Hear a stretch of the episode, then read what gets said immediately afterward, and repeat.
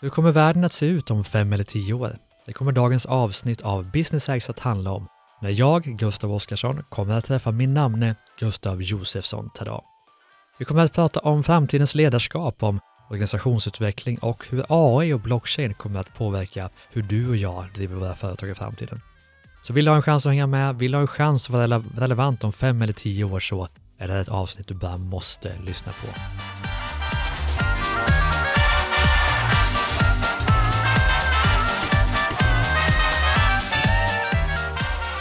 Hej mina vänner och välkomna till Business Hacks. Idag har jag med mig ingen mindre än Gustav Josefsson Tada. Säger man Tada? Tada! Tada! Och jag måste ju börja med att fråga, namnet Tada? är ett rent business hack. Alltså, jag och min fru skulle gifta oss och så tyckte vi vi behövde ett nytt efternamn som gav lite mer accent på vår existens, som lite så här etablerade personliga varumärket. Men så här, det, det, det, det är kul, det känns som att det är väldigt vi och också så här, det gör mig ihågkommen, vilket Verkligen. är ju käckt. När man går upp på scen, jag föreläser mycket. Så. Och du behöver ju verkligen någonting som gör att folk kommer ihåg dig. För du kom ju in här i tights, jag vet inte ens vilket mönster de hade, men de, de syns ju i alla fall. Det är Picasso. Ja, Picasso, Picasso tights och någon form av glänsande disco hoodie-aktigt. Så att du sticker ju ut lite och det är det som vi kanske kommer landa i det här samtalet. Vi sa det innan, jag som, eh, som person är ganska konkret och hands-on och du som person är ganska flummig och filosofisk och stor i tankarna. Flummig. Jag, jag gillar inte flummig, det är Nej, men jag gillar det. det. Du gillar det? Ja, Okej. kanske för att ja, jag ja. behöver det i mitt liv. Ja. Och för de som inte känner dig, kan vi bara ta en kort resumé vem du är?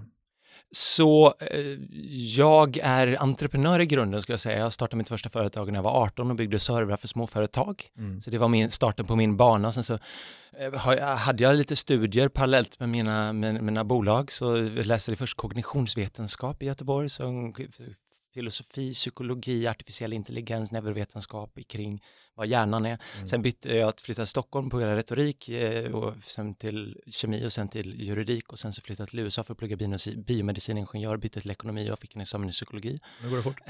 Och under detta jobbade på skolans entreprenörsprogram, kom hem till Sverige, började jobba kring entreprenörskap också och började driva en, en entreprenörskapstävling. Det är så vi kände var, lärde känna varandra genom unga entreprenörsbubblan. Jag satt i, satt i styrelsen för Young Entrepreneurs of Sweden som är ett nätverk för unga entreprenörer och började prata om samhäll, vad är entreprenörens roll i samhället och började Mm. titta på större kontexten av det som jag var själv och hur passar det här in i resten. Liksom. Och sen dess så har jag dels drivit eh, Sveriges första 3D-printshop eh, i Gamla stan. Så hade vi butik där vi sålde 3D-skrivare och byggde saker på beställning. Eh, som vi drev i tre år. Eh, och så, ja, idag jobbar jag mest med, dels föreläser jag om framtiden och dels så jobbar jag med organisationsutveckling som har varit min passion de senaste åren. Att Mm. fundera över vad är det som gör att organisationer hänger med och kan förändras och kan skapa saker överhuvudtaget oavsett vad man har för business. Mm. Och det är det vi ska snacka lite tänkte jag om idag, för, lyssnarna i den här podden är ju företagare primärt och driver ganska små bolag de flesta. och jag upplever att många av våra lyssnare är väldigt operativa, man är inne i sin verksamhet. Man kanske inte har tid att tänka på hur kommer världen se ut om 5, 10, 15, 20 år med AI och klimat och hur kommer företag se ut, organisationer se ut och det skulle jag vilja ha ett samtal med dig om idag. För jag upplever, vi ses ju ibland, Mm. någon gång per år kanske i olika sammanhang, Mm. hamnar av någon konstig anledning ganska ofta bredvid varandra. Och jag tycker alltid att det är härligt och jobbigt, för du är en av få tycker jag som utmanar mig i tanken. Alltså du är ganska långt ifrån mig ibland i tanken. Så tycker jag, fan det här var jobbigt. Sitter man där och så, jag fattar inte hur han tänker, och sen kommer man på en månad senare att det fanns någonting där, den här AI-diskussionen, det fanns någonting där. Eh, och det är ganska få i mitt liv som utmanar mig i tanken så mycket, så att min tanke i den här podden är ju att du ska få utmana lyssnaren Mhm. och deras tankesätt om hur deras företagande kommer vara. Så ska vi börja där någonstans? Vi bara slänger ut en lös fråga. Eh, hur kommer företagandet för, för mindre bolag att se ut om 10-15 år? Men jag skulle säga att börja titta på vad är det som har hänt Mm.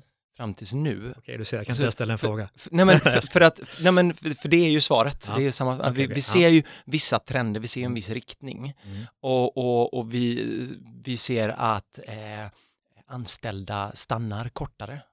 Och det kommer de fortsätta göra. Vi ser att det blir svårare att dra skillnaden på vem är anställd och vem är inte, för vi jobbar idag mer och mer i nätverk av konsulter som jobbar med konsulter och konsulters konsulter mm. Eh, och alla har egna bolag. Eh, vi jobbar i, eh, vi ändrar hur vi jobbar fortare och fortare. Så det, det är många saker som redan händer som givetvis kommer fortsätta accelerera. Mm.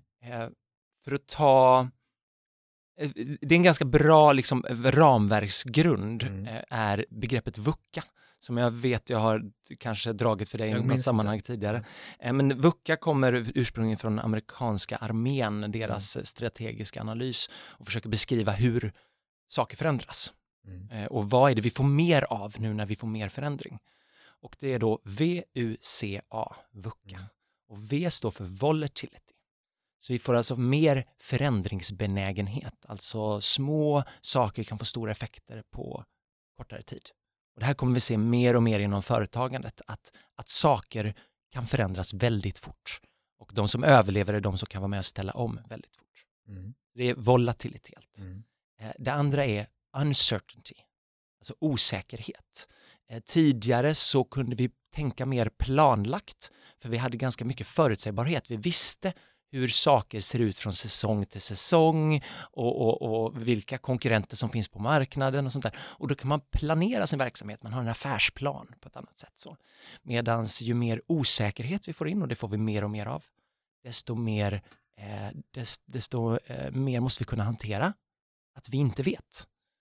Och, och, det finns massa saker att göra det. Det är, en, det, det är, därför vi har utvecklat saker som lean och agile och scrum som alla är sådana arbetsmetodik som vi använder för att kunna anpassa oss efter det faktum att vi inte vet. Mm. Så att vi hela tiden kan ta till oss ny kunskap medans vi arbetar. Eh, C är complexity. Att det här osäkra som vi inte vet, det är inte längre A leder till B, leder till C i någon form av kausala eh, sammanhang, utan det, det, vi jobbar med komplexitet. Och det gör att eh, vi inte längre, vi måste vara försiktiga med att hitta enkla lösningar. Mm. Eh, för att eh, det är, ofta finns det mer underliggande än vad man ser vid första åsynen. Och det ut, utifrån ett ledarskapsperspektiv så betyder det också att det blir svårare för dig att se allting som pågår. Mm. Så vi måste lita mer på varje enskild medarbetare. Vi måste lita på både våra kollegor, våra partners, våra kunder mer för att vi kan inte se igenom det här komplexa för det är alldeles för, för mycket som mm. pågår och påverkar varandra. Och så ambiguity som är tvetydighet. Mm. Att vi får mer och mer gråskala. Alltså tidigare i historien var mycket mer rätt och fel. Alla visste vad de skulle göra, det är A, B, det här är bra, det här är dåligt. Allt från hur samhället såg ut med religion och moral till vad som är att lyckas och misslyckas i ett militärt uppdrag eller i ett företag. Medan idag så ser vi mer och mer att när vi avslutar ett projekt så ja, lyckades vi. Ja, å ena sidan, å andra sidan. Mm. Och, och, mycket, det, det finns någon djup otillfredsställelse i det. Att den här enkla mätbarheten, eh, att kunna säga, är det här bra eller dåligt? Det, det är mycket svårare idag att göra. Så vi måste lära oss att leva med att vara i den här lite, lite os, otydliga gråskalan. Just det. det finns inga rätt och fel. Det, och... finns, inga, det finns inga rätt och fel, mm. men det är också, det är också så här att, att det, det, du behöver lita mer på, på någon typ av magkänsla. Du behöver mm. lita mer på dina medarbetare återigen, för att den här enkla mätbarheten, här, paradoxalt nog, big data, mm. allting går att mäta, siffror, siffror, siffror. Mm. Och trots detta så blir det svårare och svårare att säga rätt eller fel, ja eller nej, ska vi göra det här eller inte. Mm. mm. Så att, så att där, där är liksom, jag tycker att det är ett, ett bra eh, begrepp. Volatility, uncertainty, complexity, ambiguity. Mm. Eh, som man kan titta på oavsett vilken bransch man är i mm. eller vilken fråga man ställer sig. Så, så som råd till lyssnarna, skriv ner det här. Uh, volatility, uncertainty, complexity, mm. ambiguity och gå igenom på vilket sätt ser jag mer volatilitet i min bransch? Kan jag identifiera det konkreta saker som har en tendens att förändras snabbare än vad de gjorde innan? Och så gör det för de här fyra. Så mm. kan man använda det som analysverktyg för att förstå det här kommer vi få ännu mer av i framtiden. Just det, jag förstår. För alltså en känsla hos många som driver mindre företag och stora företag med såklart, det är ju att det, det blir svårt att hänga med om man tänker att det kommer bli ännu mer svårt att hänga med. Ja, precis. Och då tänker man att stora företag, de har ju massa folk som kan försöka hänga med och de har mycket mer analys De är ännu sämre på att hänga med. Men förmodligen är de ännu Ja, sämre ja, på ja, det. herregud. Men hur ska man liksom ta sig, för jag kan ju känna en stresssida också att jag behöver nog tjäna pengar nu kan jag känna ibland. För om fem år så kommer jag inte hänga med. För ibland har jag idén, tanken om att det kommer vara en, någon form av elit som hänger med och väldigt många som inte hänger med. Hur tänker du kring den tanken? Det, det, nu, då kommer vi ur företagandet. Ja, alltså, för vi- det ja, där är en ja. samhällsfråga Men det måste vi- men det där, det där, är, det där är, ett, ett problem och frågan är hur vi löser det. Eh, och, För vi och- kommer ju ändå som företagare att påverkas av det menar jag. Ja, men, och, men jag, jag Mm. tror att vi kommer behöva läsa det på, på många olika sätt. Mm, För att som samhälle kommer vi inte acceptera att fler och fler av våra medborgare står utanför. mm, Så att, så att det, det, det blir direkt en samhällsfråga. mm, Även om, så här, hur om du vill säkerställa att du hänger med som, som Mm. företagare mm, eller som människa. mm, Ja, så här, se till att lära dig nya saker, se till att utmana dig själv, se Mm. till att eh, utveckla dig själv personligt, se Mm. till att våga testa nya saker som verkar lite läskigt. mm. Eh, Så här, det, det, är ju, Det gamla vanliga. det, är- det är ju det gamla gamla vanliga liksom. Det är inte så... Men, men okej, om vi vänder på det här då. Okej, vi vet att framtiden kommer att se ut så här, den blir osäker, det är svårt att hitta rätt och fel och sådär. Hur ska vi då leda ett företag in i den världen? Mm. Är det en mer relevant fråga? Men den, men den är jättebra. Mm. Den är jättebra. Den är, den är tuff. Ja. Så här, för det är läskigt det här. Mm. Förändring, volatilitet, alltså tvetydighet, osäkerhet. Allt det är, det är ganska mycket jobbiga känslor knutna till det. Och det är inte bara du som företagsledare som har dem, utan du, det här är alla dina medarbetare. Det här är någonting, det här VUCA är någonting som alla våra medarbetare, Mm. alla våra medborgare upplever. Mm.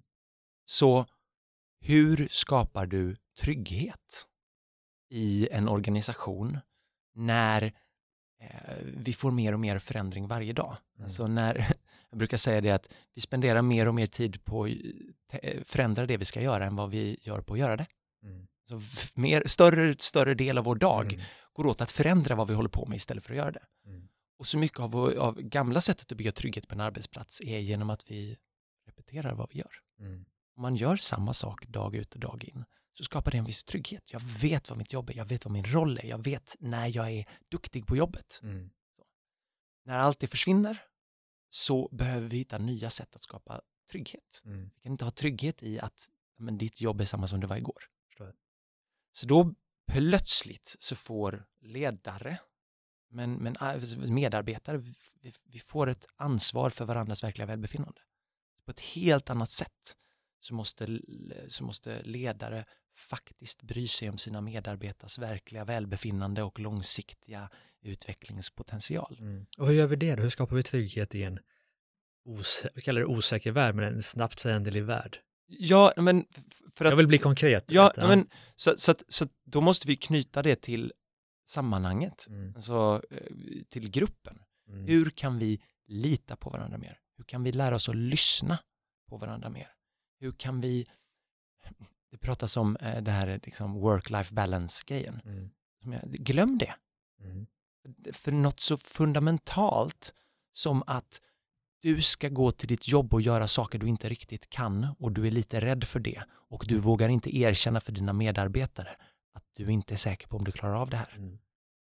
Det är någonting som går så mycket djupare än att försöka säga men det här är jobb och det här är inte jobb. Det handlar om att hjälpa medarbetare, hjälpa dina anställda att, att växa som människor, att kunna bli mer ödmjuka, att kunna bli mer inlyssnande Mm. våga erkänna sina svagheter.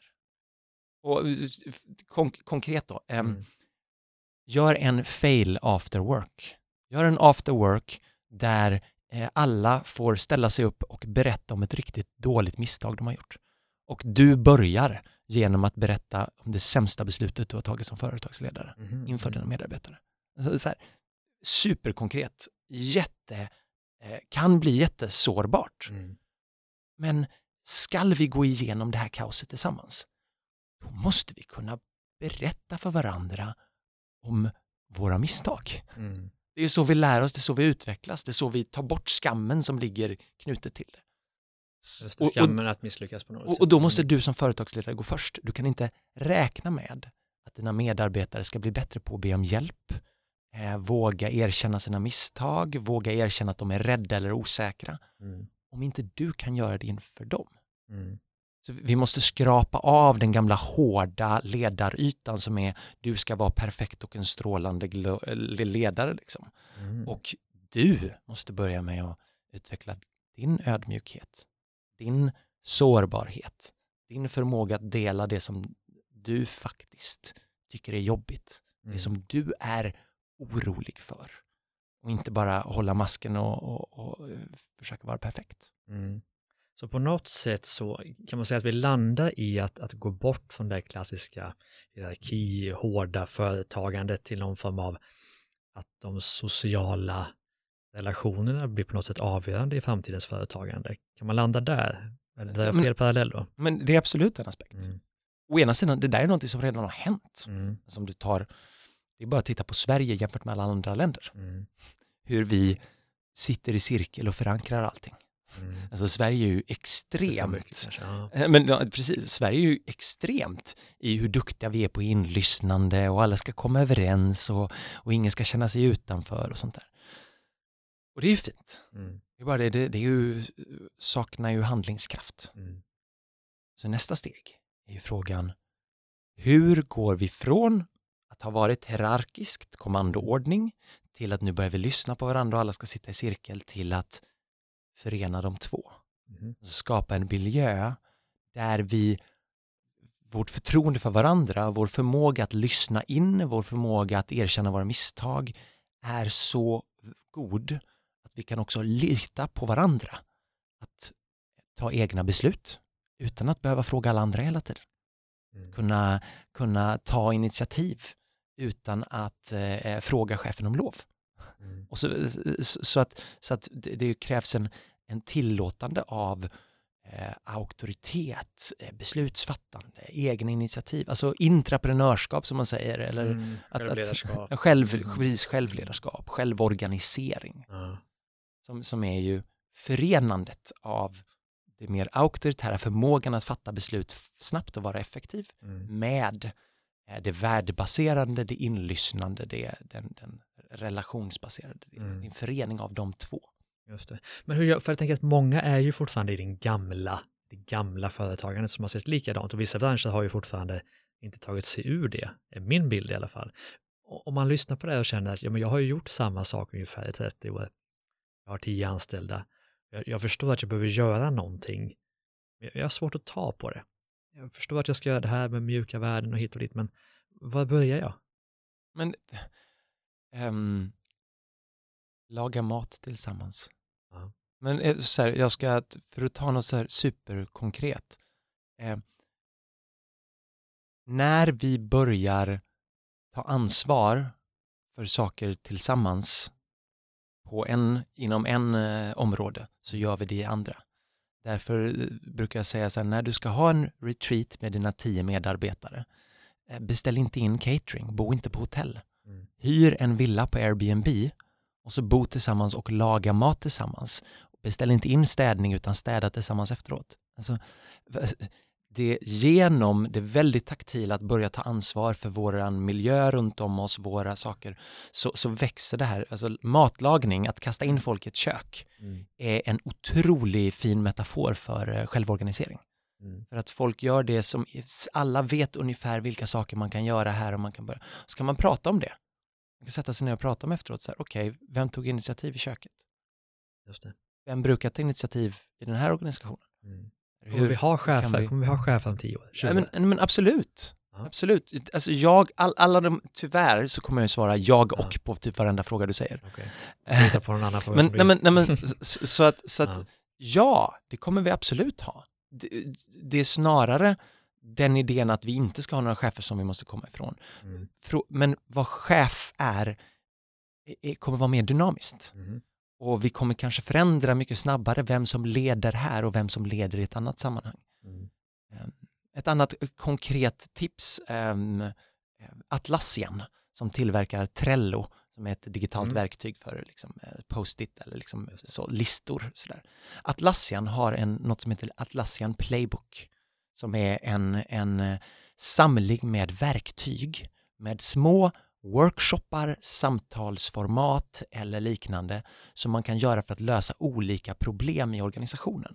Allt från eh, hur man tar beslut till hur man sätter upp en agenda till hur man eh, gör en, en projektplan och hur man reviderar den. Så finns det massa sådana. Och där finns det en som heter Roles and Responsibilities Mm. eh, som är för, för förr i tiden så skrev man i ett anställningsavtal vad folk ska göra på jobbet. Och vi har fortfarande kvar de här lapparna. Mm. Men alla vet ju att det som står på den lappen aldrig stämmer med vad folk faktiskt gör. Och, och den här eh, lilla workshopen är den här idén att, att sätta människor som jobbar tillsammans, dina tio anställda, Mm. och sen så gör man en liten workshop där man, man får skriva själv på ett papper vad man anser att man gör på jobbet. Att ens jobb är. Och så skriva ner det. Sen vänder man på det så skickar man vidare till den bredvid. Sen får den bredvid skriva vad den personen anser att ditt jobb är. Mm. Och sen skickar man vidare ett steg till och gör det en gång till. Så att, eh, och så börjar man titta på de här. Och så, så ser man vad är skillnaden i uppfattningen om vad jag tror att mitt jobb är och vad du tror med att, ditt jobb, att, att mitt jobb är. Mm. Och sen kan man rita upp det på en whiteboard och säga okej, men här verkar det som att du tror att jag gör det här, men det gör jag inte. Det gör han, det gör hon. Så. Mm. Och, och så gör man det med löpande, med jämna mellanrum. Eh, för det tillåter organisationen att kunna förändras. Och samtidigt så hjälper det oss att uppdatera vår idé av vad vi faktiskt gör. Mm. Och då, så då kan man släppa loss och låta folk ta nya initiativ och sen så får, eh, blir det här med roller, Mm. det blir något som beskriver vad vi gör istället för att säga till oss vad vi ska göra. Okej. Och det, det är en Mm. Jätteenkelt, tar någon timma eller något sånt där, liten Mm. workshop som ligger på nätet och man bara följer ABC-instruktioner. Mm. Så det är ett lite sånt konkret tips. Exakt. Ja, men jag uppskattar när, när det blir lite konkret, det vet Ja. du ju. Och jag tänker så här, kan man ställa en fråga så här då? Om du fick möjlighet nu, dels fick du alla pengar du behövde till det, om det nu är pengar som är viktigt, och du fick starta framtidens företag. Du fick starta ett bolag här idag som du kände att det här kommer liksom ha bäst förutsättningar att lyckas i framtiden utifrån ledarskap, utifrån medarbetarskap, utifrån hur världen kommer se ut. Hur hade dina tankar gått? Hur hade du byggt upp det? Utifrån det du vet, utifrån de tankar du har tänkt själv, hört, sett, läst om. Så dels, Kanske finns ett dels exempel på något som du tycker att de här gör det perfekt, eller så tar du ett eget, en egen resa ut i någonting. oj, det, det här var, det var ganska svår liksom. Tack. Det är också-. Det, å andra sidan, ja, det är ju mycket lättare att göra det, att starta ett bolag idag. Mm. Det är svårare om du ska göra en förändringsresa för ett bolag som har funnits i 15 år. Mm. Ju. Men, men, eh, Men man fick göra det perfekt nu från början. men, men dels så skulle jag eh, dra den gamla Jim Collins eh, eh, citatet eh, Who first then what? Mm. Han eh, påstår ju att eh, när man ska göra en förändringsresa eller när man ska göra en, i det här fallet starta en organisation, så börja samla ihop de, de människorna som du känner verkligen klickar, som Mm. funkar ihop. Och inte tänka för mycket behovs eller arbetsupp. Jag behöver någon som ska göra den här arbetsuppgiften och då anställer jag den till det Mm. utan börja sätta ihop ett team som funkar ihop. Och sen när du har vem som ska vara med, då börjar ni tillsammans fungera, fundera på vad vi ska göra och hur det ska göras. Mm. Eh, Jag, jag tror att det är, det är svårare att, att bygga team Mm. än vad det är att bygga business. Jag förstår.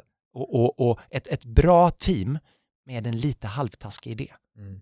kommer fatta att idén är halvtaskig, Mm. iterera på den och landa i en idé som funkar. Just Men ett taskigt team kommer inte lyckas med världens bästa affärsidé. Mm. Så att fokusera på att hitta det gänget som funkar tillsammans. Som... Teamet först, affärsidén Ja, sen. och så har vi aldrig jobbat innan. Nej, nej, pre- precis. Eller i viss mån så har vi det. Väldigt, väldigt sällan. In, ja, Mm. men, och, och senaste 15-20 åren så finns det en del inom litteraturen. Mm. Det skrevs i, i, i Lean Startup och eh, som sagt Mm. Jim Collins skrev det i Good to Great. Liksom, så att, så att det, det finns ju de idéerna.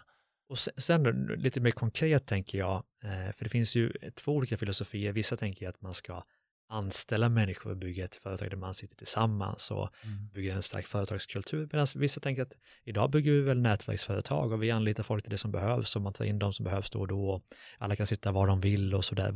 Hur går dina tankar där? Underskatta inte, vad vill du? Mm. Det, det är, det har olika fördelar och nackdelar, både utifrån, det har att göra med vilken affärsidé du ska göra. Vad har du för affärsmodell kan påverka vad som är, det är mycket lättare och ska du driva en konsultlåda så är det ju lätt att bygga det i en nätverksmodell för att alla, det är projektbaserat i sin natur och Mm. det är nya konstellationer hela tiden, så det är klart det. Men ska du ha något som är väldigt eh, produktutvecklingsfokuserat så är det mycket svårare att, att bygga en organisation på det, Mm. på det sättet, även om det går också. Så, så det, är, det beror lite på vad du ska göra, men också så här, vad vill du göra? Mm. Alltså, vill du bygga en plats där människor samlas för att eh, känna att vi gör någonting tillsammans varje dag, Mm. så är det ju det du brinner för och då kanske du ska driva verksamhet mot det hållet. Så det, Hur tror du världen kommer se ut? Kommer det bli mer av det ena eller det andra? alltså, det kommer ju bli eh, mindre av de tomma byggnaderna eh, som eh, alla har sina kontorsrum som ingen sitter i. Och ju större kontoret är, eh, desto mindre sitter personen där. Mm. För ju mer man klättrar i rankerna, desto mindre är man på kontoret. Så, så, här, så står de här tomma byggnaderna. Så, här. då ser vi redan den, den omställningen. Då är frågan, vad sitter de istället? Mm. Och så där. så att det ser vi ju att liksom ehm, sto, vår, några, våra storbolag skaffar sig lite extra stolar på ett på Epicenter eller på Mm. något eh, kontorshotell för att också kunna låta sina medarbetare sitta i en kontext där de får träffa andra och sånt där. Mm. Så det ser vi ju absolut och då är man fortfarande anställd. Mm. Så vi, vi kommer ha båda och vi kommer ha hybrider, vi kommer se ha mer, för, äh, men det är väl en trend. Det kommer bli svårare och svårare att lista ut vem som jobbar för vad. Mm. Att mer och mer kommer gränsen för vad som är en organisation att upplösas. Och med det vetskap så skulle jag säga att en framgångsrik organisation är Mm. den som anammar det. Som då säger, vi behöver inte ha så tydliga gränser. Vi, du kan, ehm, vi har lediga kontorsplatser på det här kontoret så att vi låter våra vänner och kollegor och allmänna eh, komma förbi och sitta här. För att vi förstår att det är bra att det kommer folk in och ut på den här arbetsplatsen. Eller för den delen, eh, eh, vi har inte lika hårda strukturer kring vem som får tillgång till vilka dokument eller våra planer om vad vi ska göra. För det gör det lättare för de som är konsulter, de som är nyanställda, de som sitter på den här avdelningen att kunna ta initiativ och kunna se vad som pågår. Mm. Så man ökar transparensen i organisationen, Mm. både då mellan mell- inom organisationen, mot konsulter, gentemot kunder. Man är mer transparent mot kund så att kund Mm. kan mer ta med och initiativ gräns, och gränserna suddas ut. Liksom. Gränserna är- suddas ut Mm. och, och den organisationen, och, och jag tror att organisationer som kan omfamna det Mm. eh, kommer vara framgångsrika. Okej. Eh, vad heter han? Eh, gjorde en intervju med Carl Fredrik Sammeli som grundade Prime Mm. tio år sedan. Och så berättade han det att nej men jag, jag vill att mina anställda ska börja jobba på andra ställen. Mm. För att de är alltid välkomna hem. Mm. Det här är en familj och när du är ute på ett gig och, och du, du visar sig att du blir anställd någonstans, Mm. men gör det. Och du är alltid välkommen tillbaka. Mm.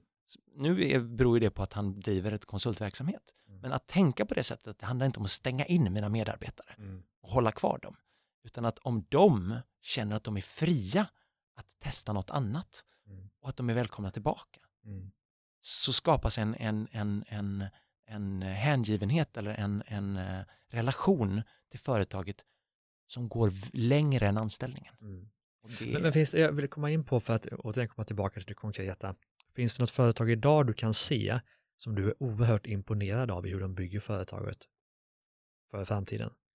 Nej, men, ehm, Tenant Partners, eh, Torbjörn Eriksson, eh, ursprungligen eh, är ett inredningsarkitekt, inreder kontor och sen började jobba med då funktionsbaserade arbetsplatser, alltså hur man eh, ställer om till att ha en arbetsplats som mer eh, förändras efter vad som behövs just nu.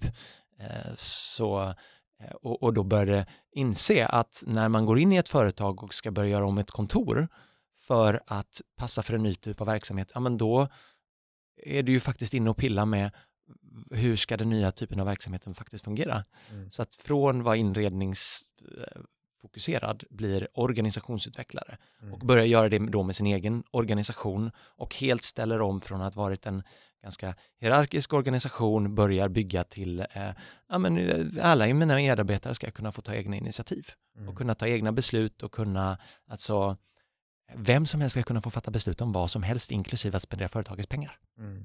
Väldigt, väldigt far out. Ja, exakt. Och i det samtidigt då har minskat gränsen mellan vem är min kund och vem är min medarbetare.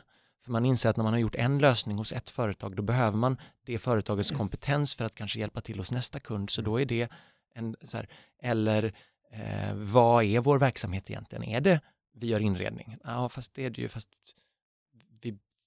det är ju bara verktyget för att börja prata om kultur, mm. för att börja prata om organisation, för att börja prata om affärs... Alltså så här, mm. inse att allting hänger ihop.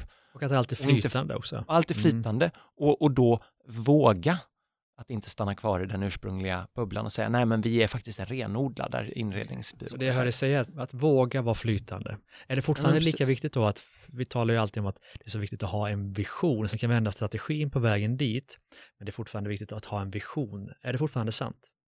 Eller ska visionen är, också kunna ändras? Det är mindre sant än vad det har varit. Mm. Och framförallt så är inte visionen någonting som eh, den gloriösa ledaren pekar ut, hit ska mm. vi. Mm. Utan vision måste ju hela tiden eh, vara inlyssnande till en sam pågående samhällsförändring. Mm. Och den kan du som ledare inte helt lyssna in till själv. Alltså skapas vision löpande av att dina medarbetare kommer med nya insikter som säger men vi ska nog mer åt det här hållet. Mm. Så, att, så att även visionsarbetet blir någonting som är kollaborativt och som är eh, byggt på inlyssnande.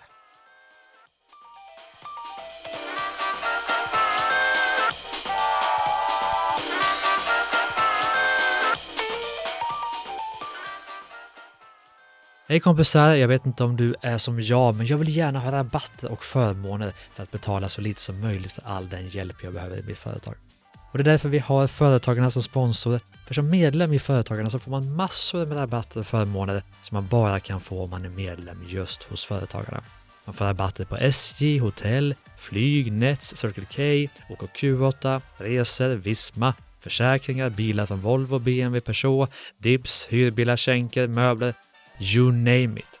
Jag har såklart inte tid att berätta om alla de här 30 förmånerna som man får, men livet och företagarlivet blir betydligt enklare och man får betala mindre för de leverantörer man verkligen behöver hjälp av. Så att om du också vill bli medlem och inte är det redan, jag är det förstås sedan länge, så blir du det direkt på hemsidan företagarna.se och det är klart att man ska vara medlem i Sveriges största företagarorganisation. Så fort du har betalt medlemskapet så får du ta del av alla de här fantastiska förmånerna. Tack så mycket Företagarna för att ni är sponsor till Business Hacks.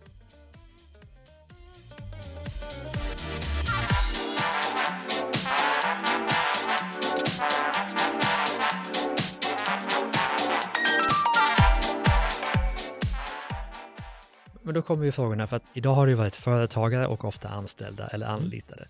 Och jag som entreprenör äger ofta bolaget, kanske ihop med investerarna, möjligtvis att de anställda äger 5% eller 10% Kommer det att funka då? I framtidens landskap, när allt blir flytande, när visionen kommer lika mycket för medarbetarna. Kommer man att kunna äga ett företag på samma sätt då? Ja, men det, det tror jag absolut. Mm. För det, det ena är inte, eller det är klart att det finns vissa typer av passion och självledarskap som du kan låsa upp när du har en ideell organisation där ingen äger det så att alla känner att nu jobbar jag verkligen aldrig för någon annan. Mm. Visst, eh, det finns vissa saker som du kan låsa upp när du har en partnersystem som gör att alla vet att vid en viss punkt så blir jag full delägare. Mm.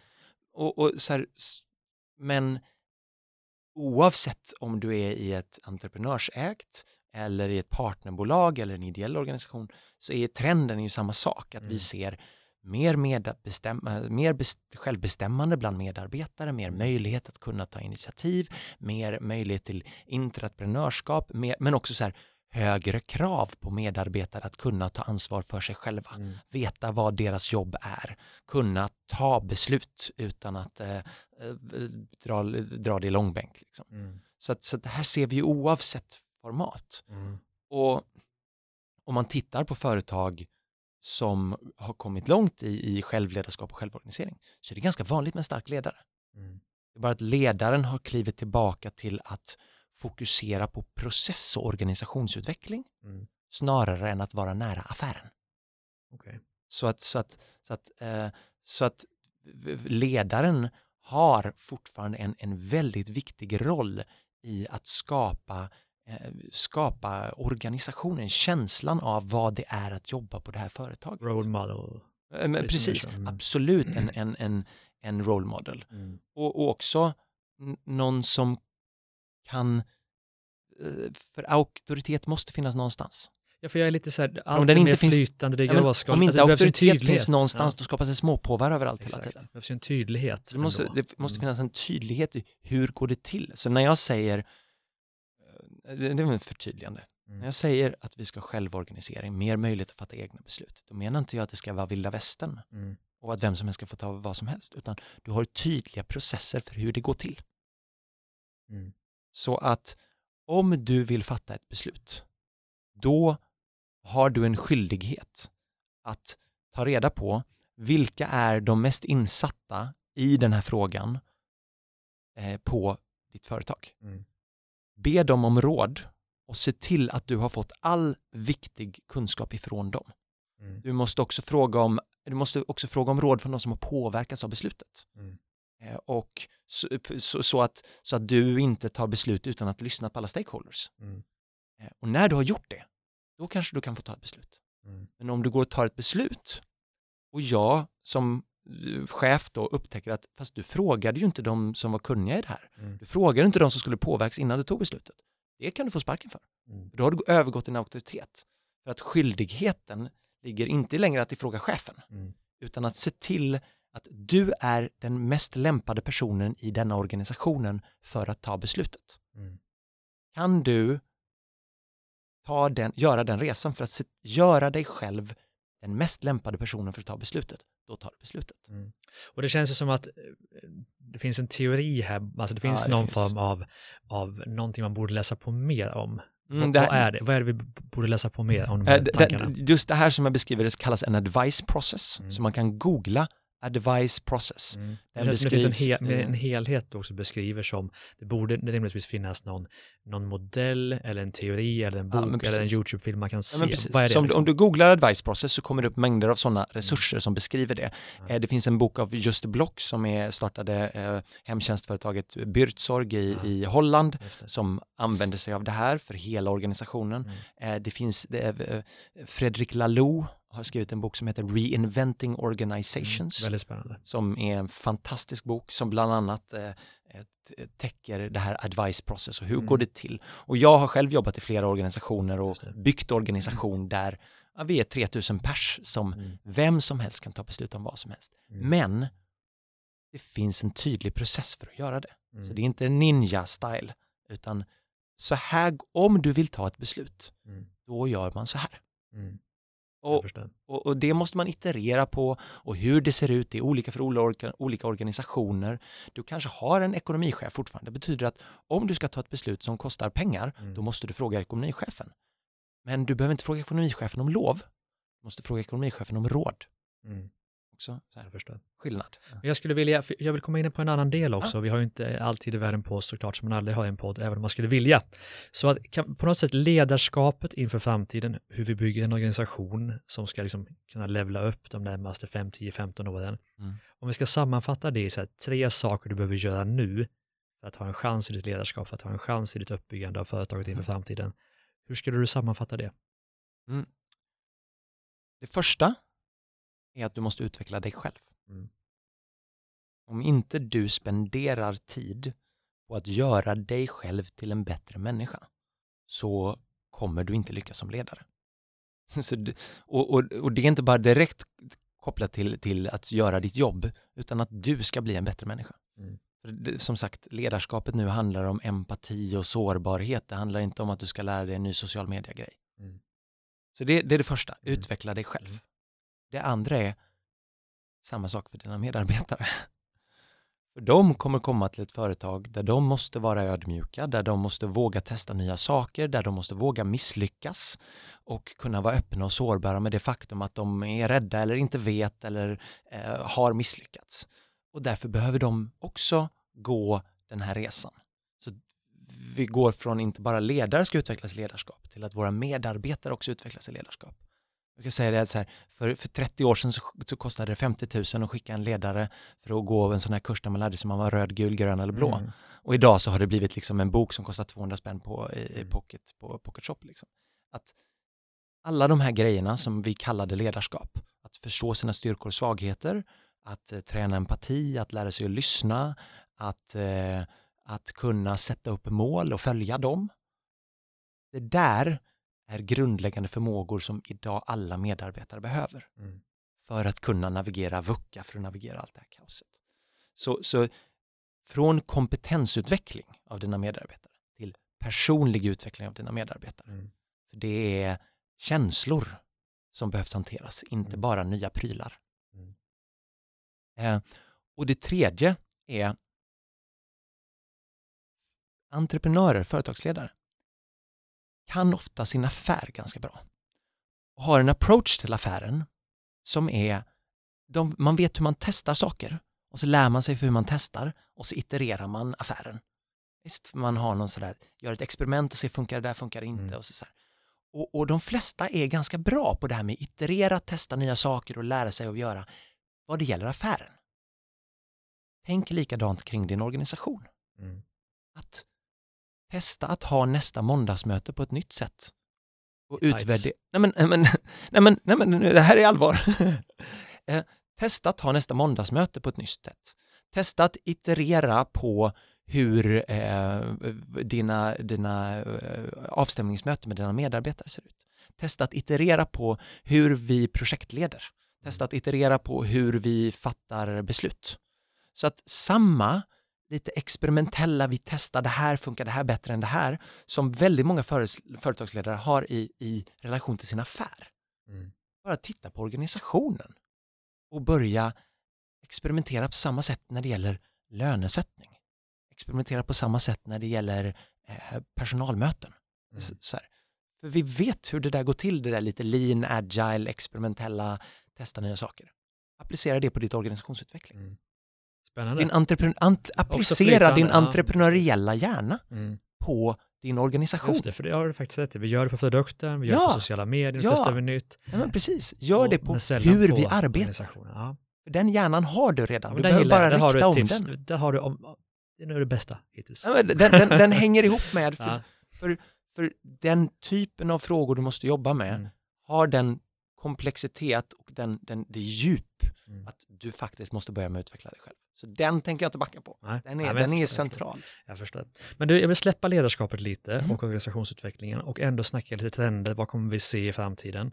Och det är klart att globaliseringen, det förstår ju alla sedan länge att det, det mm. håller på. Digitaliseringen, det förstår alla sedan länge att det håller på. De alltså, faktorer, de trender som det snackas mest om just nu är kanske AI och blockchain. Mm. Eh, kan vi inte bara ta dem lite kort? Eller finns det någon mer i den kategorin som vi borde ta och snacka lite kort om, som kommer påverka alla i princip? Ja, alltså, ja, nej men vi, vi kan, nej men vi, vi, kan, vi kan börja med, vi kan börja med AI och så kan vi Jag se om bara förklara AI och blockchain. I ett slag. Um, AI brukar jag separera i, i två saker. Dels så eh, blir våra datorer bättre på att göra saker som vi tänker är mänskligt tänkande. Från att, eh, från att tidigare kunde en, en maskin kunde göra eh, enkla beräkningar till att eh, nu kan en AI typ helt ersätta vår ekonomiassistent. Mm. Eh, så att eh, ro robotar har börjat ta sig in på saker som nu är mer intellektuellt arbete. Mm. Vi kan se det här med schack, vi kan se det med äh, Google Alpha som löser, spelar Go eller vad det nu är. Mm. Så, så dels blir datorer smartare på att göra specifika saker. Det är det ena. Det andra är UX-revolutionen, alltså user experience. Hur vi har blivit bättre och bättre på att utforma våra maskiner så att de förstår oss så att vi inte ska behöva förstå dem. Mm. 80-talet så behövde du vara civilingenjör för att kunna använda en dator. Mm. På 90-talet så fick man lära sig att klicka på fina ikoner och sånt där och idag så kan en, liksom en, en nio månaders bebis kan navigera sin, Mm. sin padda. Så en viktig grej att ha med sig är att vi kommer märka mindre och mindre friktionen när AI kommer in. Alltså tidigare så var det, vi kände hur att oj, nu måste vi bygga ett nytt system, nu är det en ny grej. Medan alla de här grejerna blir lättare och lättare. Så dina appar, de uppdateras i bakgrunden utan att du märker det så. Mm. Så att, så att en, en, en, en, del av det är mindre läskigt. Mm. Du kommer inte behöva göra det här jobbiga omställningsarbetet på ett sätt. För att den, dina, de nya programmen är mer gjorda för att förstå dig.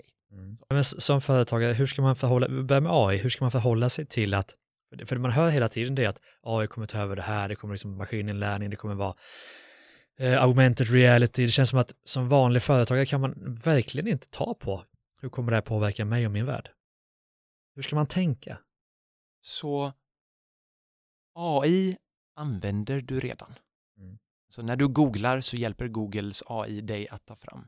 Så att, så att, att det är en sak, jag ska utveckla min egen AI, det är en annan sak att Ja. du kommer använda AI, vare sig du vill eller inte. för att jag kan bli ersatt din- av en AI. Det är mer den Ja, men- nej, men känslan precis. många har. Ja, men Mm. då får du göra något annat. Ja. Och det är, då kommer du göra något annat. Det, det där, den är oförhandlingsbar. Liksom. Om jag tänker så här, det AI kommer ersätta först, det är väl sånt som är, alltså allt som är upprepat. Ja, precis. Mm. Alltså om du kan förklara för någon annan vad du jobbar med så kommer du snart vara ersatt av en AI. Ja, Eller, eller så här, alla, alla stunder där du beter dig lite som en maskin så kan du ge dig fasen på att du snart blir ersatt av en. Mm. Så därifrån ska vi ta oss. Ja, nej, men, men, men, men, om du tänker, tänk igenom din dag, Mm. Saker du gör flera gånger om. Mm. Gå på Varför toa. gör du det? Ja, men precis. Varför gör du det, Ja. för det första? Varför? Det, är ju, varför, det är ju slöseri på, på dina, ditt liv och dina resurser. Mm. Så här, saker vi gör om och om igen. Och det är allt från att eh, vi ser robotiseringstrenden, alltså att vi gör små, små AI-program eller små robotprogram som kan eh, göra vissa upprepade sekvenser som vi gör på våra datorer. Mm. Ta den här filen, attacha den till det här mejlet och plocka den här datan ifrån den här ba- databasen och skicka iväg det här. Mm. Sånt finns ju robotiseringsföretag som gör mängder Mm. av idag som sparar hur mycket tid. Och det ka- kan du titta på. Har, vet du att du i din organisation har vissa arbetsuppgifter som gör väldigt mycket om och om igen, så titta på, går det här att ta in en robotiseringskonsult som skriver ett litet skript som klickar på samma saker som din anställde klickar på och gör det lite fortare. För att om inte du gör det så kommer någon annan göra det. Mm. det så att, att, att göra saker om och om igen kommer vi inte göra. Mm. Så då är frågan, vad kommer vi göra? Och då eh, blir det tyvärr att jag går tillbaka till det som vi pratade om innan. Alltså, det är ju alla stunder där vi inte beter oss som robotar. Mm. Så det betyder att vi måste bli bättre på att lyssna, vi måste bli bättre på att lära oss, vi måste bli bättre på att förändra det vi gör. Inte göra samma sak varje dag. För det är de grejerna som det kommer ta längre tid för robotarna att hänga med och Mm. AI att hänga med. Men Så, kommer vi komma till ett samhälle där vi människor inte behöver göra någonting? alltså, vi behöver inte göra någonting redan idag, det, det är bara att vi gillar att göra saker. Och, hur, Så att- och så hur, att- vad är din bild av hur världen kommer se ut då? Jag är bara nyfiken. Eh, okej, nu, nu har vi gått bort från företagandet här, men, men okej. Så jag tror att inom en framtid, Mm. sen kan vi bråka om om det är 15 år eller 5 år eller Mm. 50 år, så, här, så kommer större och större delen av vår befolkning att inte kunna arbeta för lön. Mm. Helt enkelt för att det finns inte någonting som de kan göra som inte en maskin kan göra bättre, Mm. som någon annan är villig att betala för. Så du kommer inte att vilja betala Mm. för att en annan människa ska göra det. Det kommer inte, det kommer inte finnas anledning för det att göra det. Eh, och, och, och, och, så då kommer vi få en större och större del av vår befolkning som inte är ekonomiskt lönsamma enligt den gamla modellen. Mm. Så det betyder att det krävs ett helt nytt ekonomiskt system. Mm. Det går liksom inte ens föreställa sig hur det ser ut. Alltså en del är så här, om man ska ta något som ligger close to home är ju så här medborgarlön pratas det om. Mm. Och det lustiga är att det där brukade ju vara, jag vet, jag lämnade det där på Almedalsveckan för tio år sedan och blev kallad för vänstertroll. Mm. Och idag så har liksom så här både Elon Musk och Mark Zuckerberg och Bill Gates, alla har talat för en medborgarlön. Mm. Att så här, en basinkomst för alla medborgare. För att det är inte realistiskt att tro att alla ska kunna tillföra någonting i den kapitalistiska karusellen när vi får AI. Ehm, och, och som sagt, när är det här? Är det fem år? Är det tio år? Dessutom, det kommer behövas massa kompetens i den omställningen. Mm. Så att samtidigt så, så, det är svårt att säga när. Mm. Men absolut att vi inte Men det är en framtid vi måste i alla fall börja se framför oss och tänka vad blir vår roll som Ja, företagare då? Ja, och vad, vad, vad, det kan vara om 20 år kanske till exempel. ja, men precis. Vad, vad, vill, vad vill jag göra? Mm. Sen en fråga är vad vill jag göra med mitt liv? Vad tycker jag är viktigt att göra? Mm. För det skulle jag säga är det här att göra medborgarlön och basinkomst, det löser ju bara ett problem. Det är Mm. ju att folk får mat på bordet. Mm. Frågan är vad skapar en meningsfull, en meningsfull dag? Mm. Vad gör att jag känner meningsfullhet? Mm. Och det är nästan, nästan en religiös fråga Mm. som vi som organisations, om vi säger företagare, Mm. är, kommer ju ändå vara de som samordnar människor att ge sig hän, att göra, göra världen bättre. Mm. Samordna sig och ge sig ut på äventyr att göra världen bättre. Det är vad Mm. företagare gör. Att, att ett, ett företag, vi tar oss för att göra någonting tillsammans som förändrar världen, som gör världen bättre. Mm. Så skulle du gälla ba- medborgarlön, då skulle det finnas hur mycket gratistimmar som helst där ute. Och den som kan bygga en organisation som gör att folk är passionerade och tycker att det här är spännande, vill gå upp på morgonen och känner meningsfullhet i, skulle inte behöva betala lön för folk längre, för det är ju redan löst. Mm. Så, så, så att plötsligt så, och, och det här gör vi redan idag. Så det här gör vi redan idag eh, när företag mer och mer börjar, betal, börjar prata om värderingar. Mm. Vi ser idag att unga anställda mer och mer kräver meningsfullt arbete. Kräver att det de jobbar med ska göra samhället bättre. Mm. Så, så det här är inte bara en switch vi ser sen, utan vi kan se det idag. Att skall du leda idag, ska du få medarbetare som är passionerade, så kommer till jobbet och vågar göra misstag och vara ödmjuka- och sårbara, då behöver du ha ett, se till ett högre värde. En, Mm. en djupare typ av motivation och passion. Jag gör någonting som är meningsfullt för mig, som skapar värde för andra människor. Mm. Och, och det kanske inte kommer vara förenligt i framtiden med en kapitalist, den, den klassiska lönearbetesmodellen. Säkert kapitalistisk modell, men den kommer se annorlunda ut. Mm. Men lönearbete, så som Mm. det har sett ut, kanske det inte kommer vara förenligt med. Så att Intressant. intressant. vad kommer vara de nya folkrörelserna och de nya ledarna som Mm. lyckas samla tusentals människor för att arbeta på någonting tillsammans för att de vill och drömmer om någonting. Mm. Vi ska vara lite hoppfulla.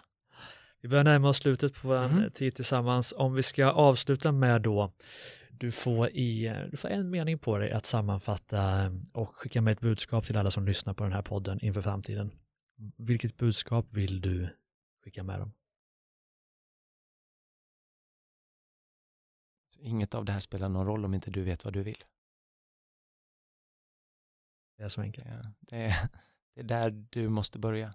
Mm. Och, och, alltså det, det, på något sätt är det ju där entreprenören har börjat. Mm. Det började med, titta här, jag kan göra, jag kan göra en grej, jag har en idé. Mm. Så Och- fortsätt vara entreprenör.